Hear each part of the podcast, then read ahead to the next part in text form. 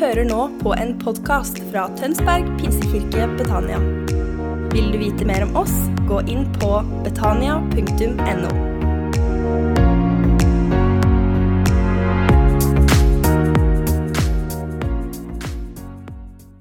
Du, tro det eller ei, så ser jeg fram til den høsten her.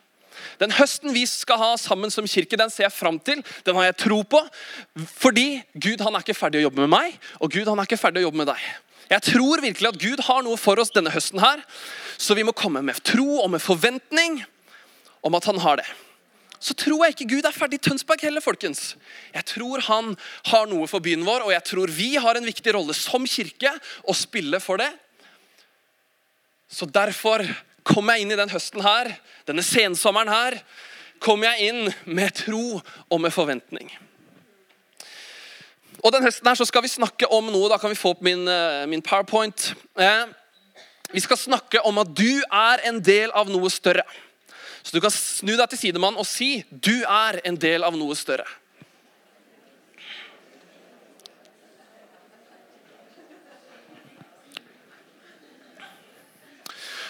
Og greia er, folkens, Når man er en del av noe større, så finner man tre av de største tingene som vi mennesker leter etter og søker etter her i livet. Det første det er tilhørighet.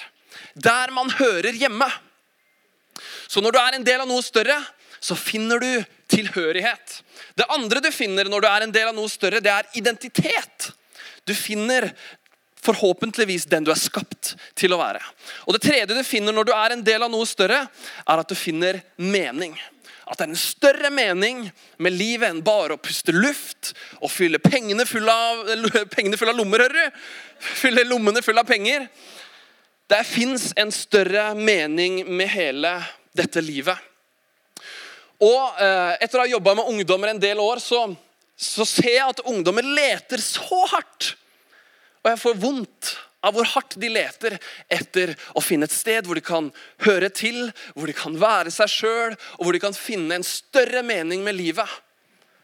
Og folkens, Jeg tror ikke det er bare spesielt liksom, ungdommer som går og føler på dette. Dette tror jeg gjelder oss alle.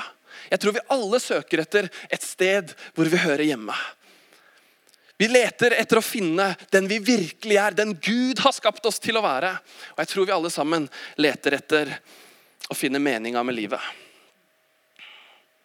Det er det vi skal snakke om denne høsten her. Det er en reise vi kommer til å gå på denne høsten her. Og jeg skal ikke røpe så veldig mye allerede, men bli med på den reisen, og forhåpentligvis så vil du være med og finne ut av noe av dette. Og folkens, Jeg har lyst til å være litt ærlig med dere her i dag. Fordi I lys av den, den tida som ligger bak oss, så er det lett å miste troa på kirke og folk, og man kan bli litt motløs og engstelig og urolig. Og hvis jeg skal være helt ærlig med dere, så har den, det halvåret her det har vært det mest utfordrende halvåret i mitt liv.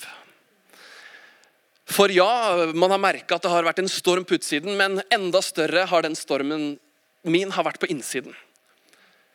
Den har virkelig plaga meg. Hadde du spurt meg i februar om hva jeg skulle gjøre med livet mitt, hva var meninga med livet mitt, så visste jeg bare én ting. Og det var at jeg aldri i livet skulle jobbe i kirke igjen. Hadde du spurt meg i mars ja, hvem er du, Karl Einar, så hadde du fått et ganske depressivt svar.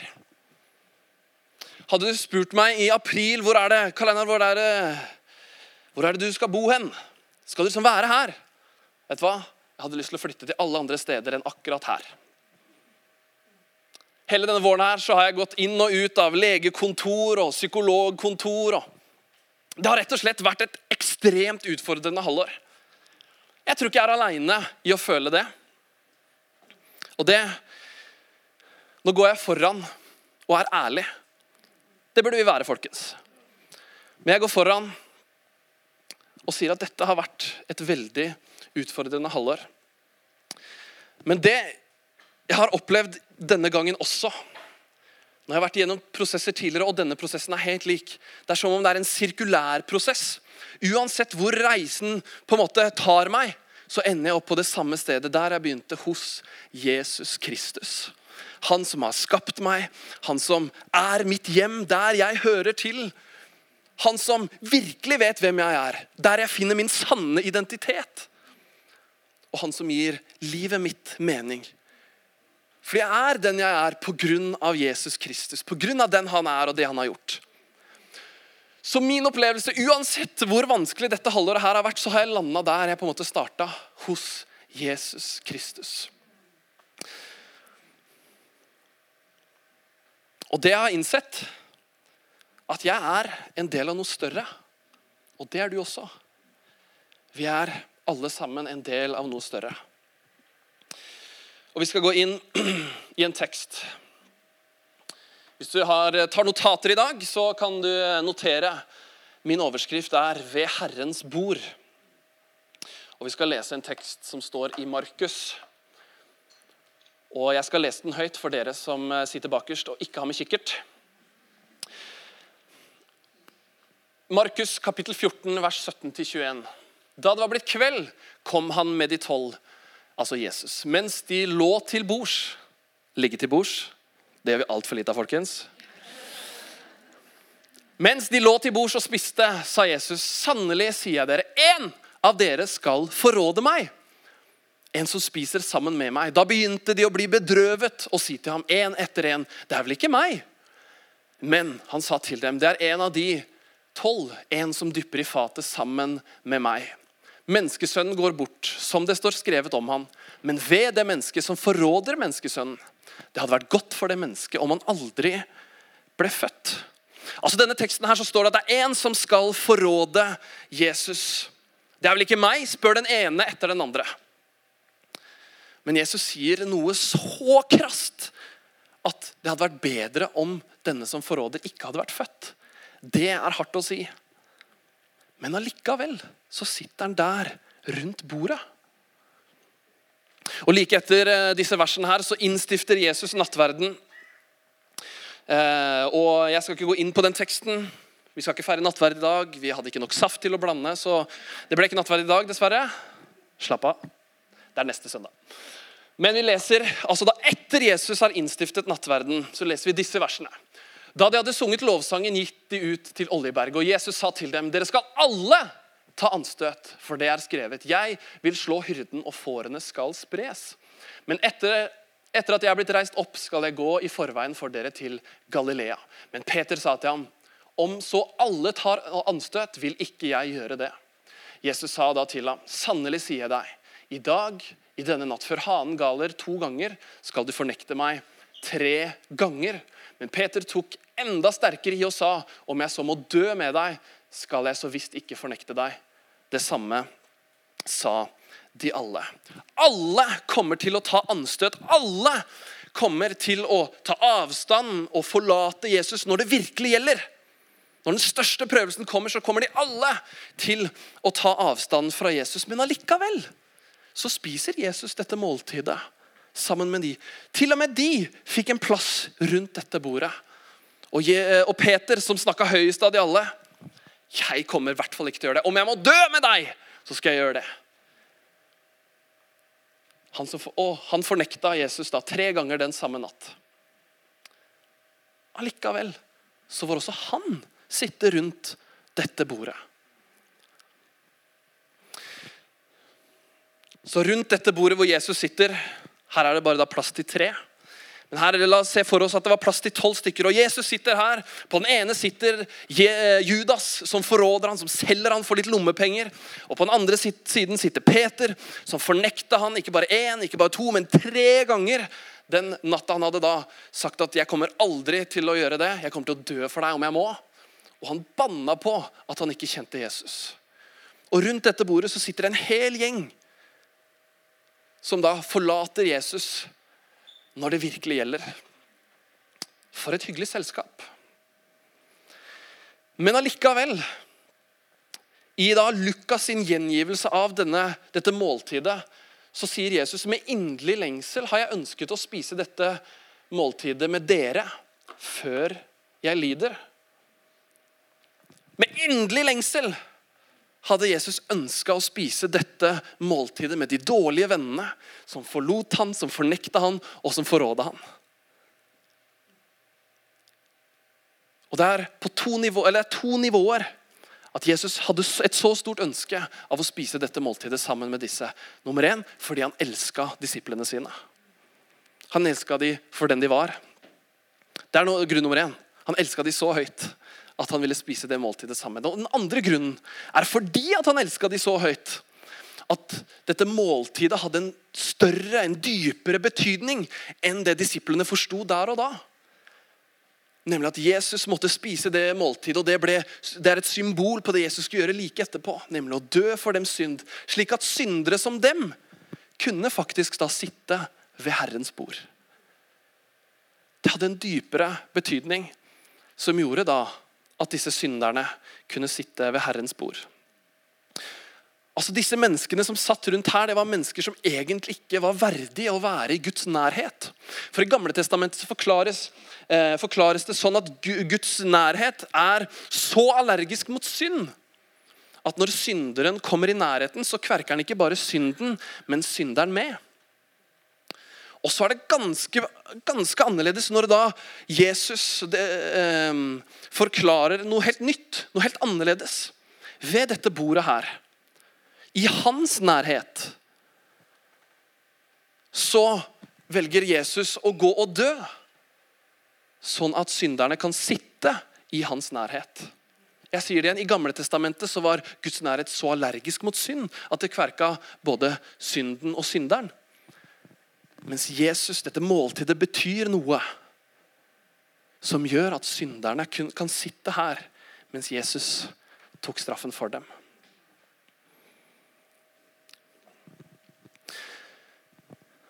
Her kommer de gode nyhetene. Han lar oss sitte ved hans bord. Uansett hvem vi er. Jeg vet ikke hvor langt du har gått den ene eller andre veien, men her satt det gutter som forlot han når det gjaldt, forråda han og fornekta han. Men allikevel så fikk de sitte der. Av Jesu nåde. De satt der, og de skjønte ikke hva de var med på. Men Jesus skjønte det. For at det dette måltidet betyr, betyr at de kan sitte der. Og det betyr at vi kan sitte der, ved Herrens bord, som vi er. Med alt vi har. Du inviteres til å sitte ved Herrens bord. Det er plass til deg. Og ikke bare er det plass til deg, men det er der vi hører hjemme. Vi hører hjemme ved Herrens bord. I Gamle Testamentet så feira de også påske, men da feira de det for en litt annen grunn. De feira at eh, israelsfolket ble frigjort fra slaveriet i Egypt. Og så ofra de en, en, et lam for å bli kvitt sine synder. Mens nå, i den nye påsken, så kan vi forstå det sånn at pga. denne påsken så vi, blir vi frigjort. Ikke fra slaveri i Egypt, men slaveri under synd. Og så er det ikke, det, er ikke, det er ikke sånn at vi ofrer lam selv om vi spiser mye lam i påsken. Så er det et annet lam som ofres. For sannelig, skriver Paulus i 1. Korinter 5-7, for sannelig vårt påskelam er slaktet for oss. Kristus. Bare, bare kjenn på de ordene. Påskelammet er slaktet for oss. Fordi at Jesus valgte å gi sitt liv i påsken for deg. Uansett hva slags liv du har bak deg, uansett hva slags bagasje du har med deg. Så døde han for deg og meg mens vi ennå var syndere, står det i Romerne. Og han inviterer deg til å sitte ved hans bord. Så rundt dette bordet så satt det syndere. Det satt eh, folk som tok anstøt. De forråda Jesus. De var alle sammen unike. Og Her sitter en hel gjeng som alle er invitert til å sitte rundt Herrens bord. Og vi kommer med vår bagasje. Kanskje noen har gjort noe mot deg som du fortsatt bærer med deg. Kanskje noen har sagt noe til deg som fortsatt eh, du bærer med deg. Kanskje det er noe som du bindes av her i dag, som gjør at du ikke klarer å være helt den du er skapt til å være. Jeg tror vi alle sammen noen ganger kan være litt sånn som dette.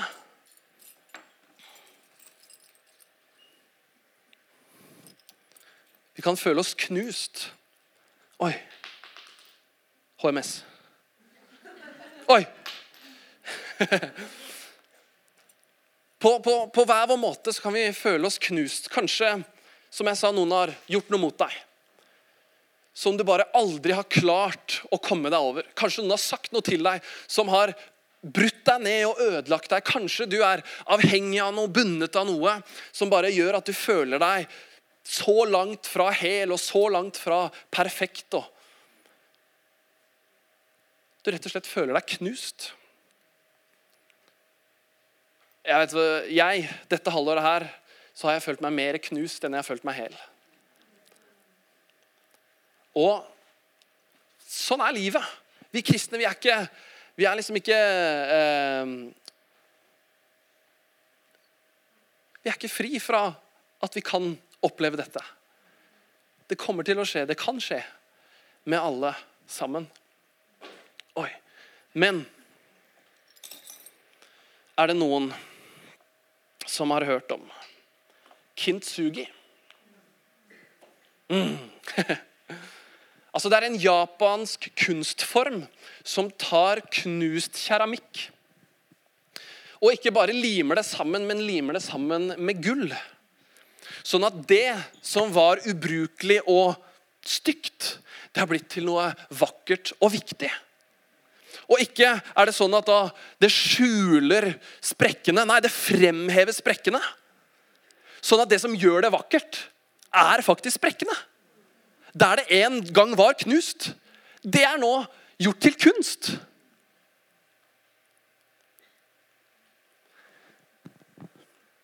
Og det tror jeg er noe som vi trenger å høre. Min nåde, den er nok for deg. For kraften fullendes i svakhet. Der det var knust, der det var svakhet. Derfor vil jeg helst rose meg av min svakhet, for at Kristi kraft kan ta bolig i meg. Det er akkurat det jeg har opplevd den våren her hvor jeg har følt meg så langt fra hel, hvor jeg har følt meg så uperfekt, så knust og i så mange biter. Jeg har ikke hatt sjans til å klare å samle disse alle knuste bitene og prøve å lage noe fornuftig engang. Men ved Herrens bord, i Herrens nærhet, så limer han alle disse brikkene på plass igjen. Sånn at det som var knust, blir noe vakkert. At det blir kunst. At det som var noe helt ubrukelig, blir noe viktig og funksjonelt. Sånn at i min svakhet og i din svakhet så er det bare rett og slett mer plass for at Jesus kan ta bolig i deg. Så jeg tror at ved dette bordet her så sitter du og jeg, der sitter alle disse disiplene som er ufullstendige, som er ufullkomne. Og i Herrens nærhet så limer han alle disse bitene sammen. Og så blir det noe fantastisk vakkert. Altså Han, han gjør oss hel, han helbreder oss ved hans bord. Og det tror jeg bare skjer i hans nærhet. Så vi må takke ja til invitasjonen. For det er ikke sånn at Jesus At vi bare blir frelst for å bli frelst. At vi tar imot Jesus bare for å leve livet videre.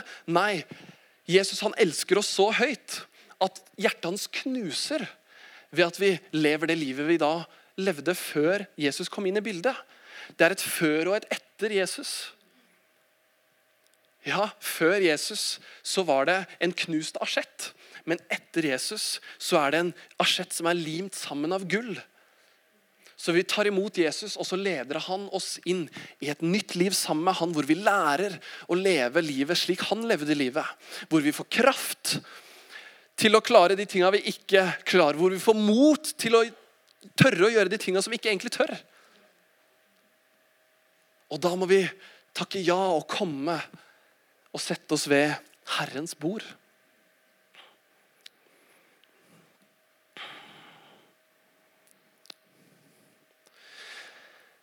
Og la meg eh, La meg snu turn the tables litt her nå. Fordi Jesus han inviterer oss til å sitte ved hans bord. Og Jeg har ikke tenkt til å grave dypt eller peke finger eller noe som helst, men tenk litt på det spørsmålet her. Hvem lar du sitte rundt ditt bord? Hvem, hvem lar du sitte rundt ditt bord? Du kan tenke helt praktisk i kafeen etterpå. Men hvem er det du lar komme inn i din nærhet? Jesus lærte oss noe, viste oss noe. Men hva er det vi gjør?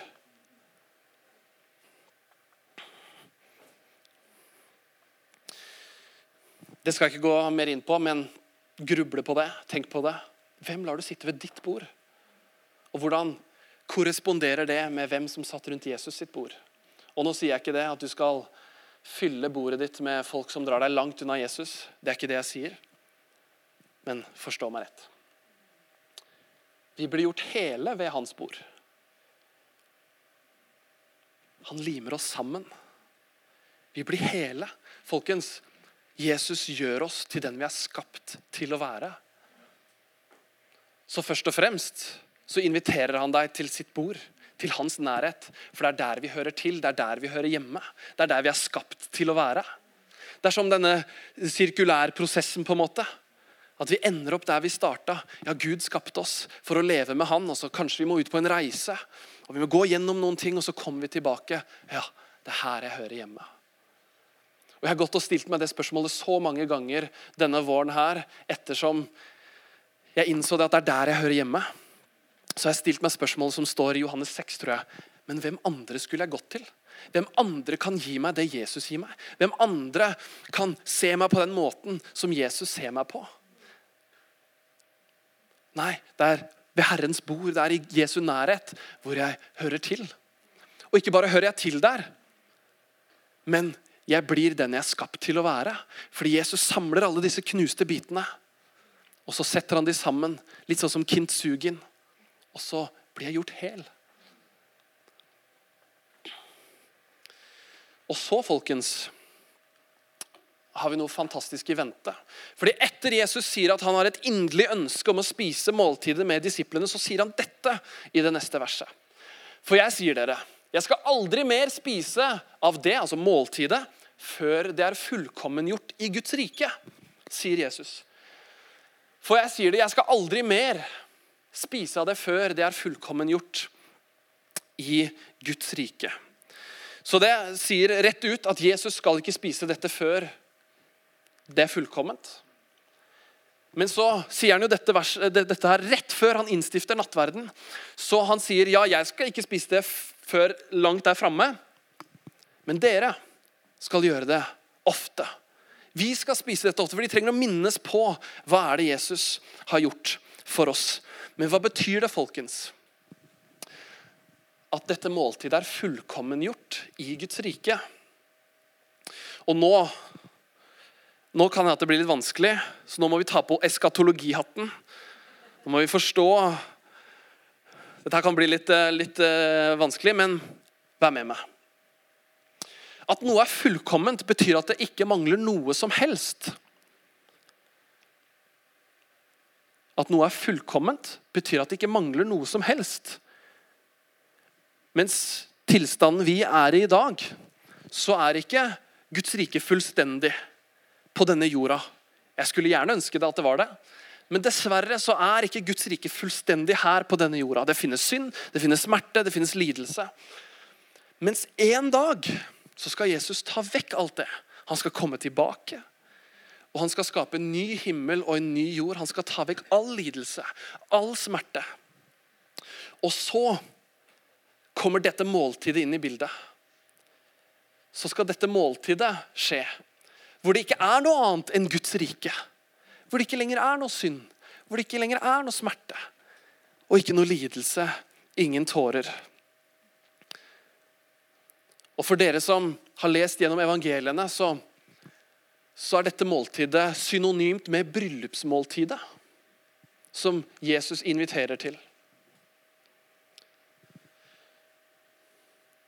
Vi feirer dette måltidet her og nå i verden som et minnesmåltid, men en dag der framme så skal det ikke lenger være et minnesmåltid.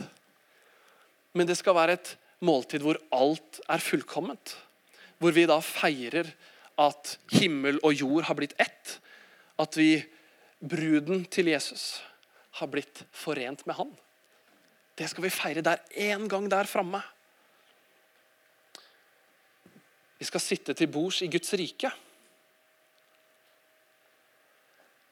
Og i åpenbaringen, kapittel 19, så har Johannes et syn om dette. La oss være glade og fryde oss og gi ham æren, for lammets bryllup er kommet, og hans brud har gjort seg rede. Det ble gitt henne å pynte seg i fint lin, rent og skinnende. For det fine linet er de hellige, helliges rettferdige gjerninger. Så sa han til meg, skriv, salig er de som er innbudt til lammets bryllupsmåltid. Og han sa til meg, disse ord er de sanne Guds ord. En dag i framtiden så skal vi sitte til bords i Guds rike. Og da slipper vi å minnes hva han har gjort. Men da er det fullt og helt fullkomment, hvor det bare er Guds rike. Det fins ikke noen andre riker. Guds nærvær er fullstendig. Så folkens, vi har noe å se fram til. Vi har noe å lengte etter. Dette har jeg en inderlig lengsel etter å spise. Dette måltidet. Det er ikke alltid jeg har inderlig lengsel etter å spise flatbrød og drikke saft med dere her på gudstjeneste, men dette måltidet Å, jeg har en inderlig lengsel etter å spise dette måltidet, hvor Guds rike er fullkomment. Hvor Jesus har kommet og skapt en ny himmel og en ny jord.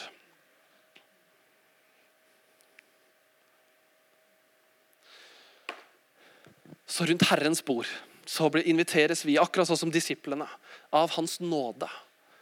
Vi får sitte der av Hans nåde.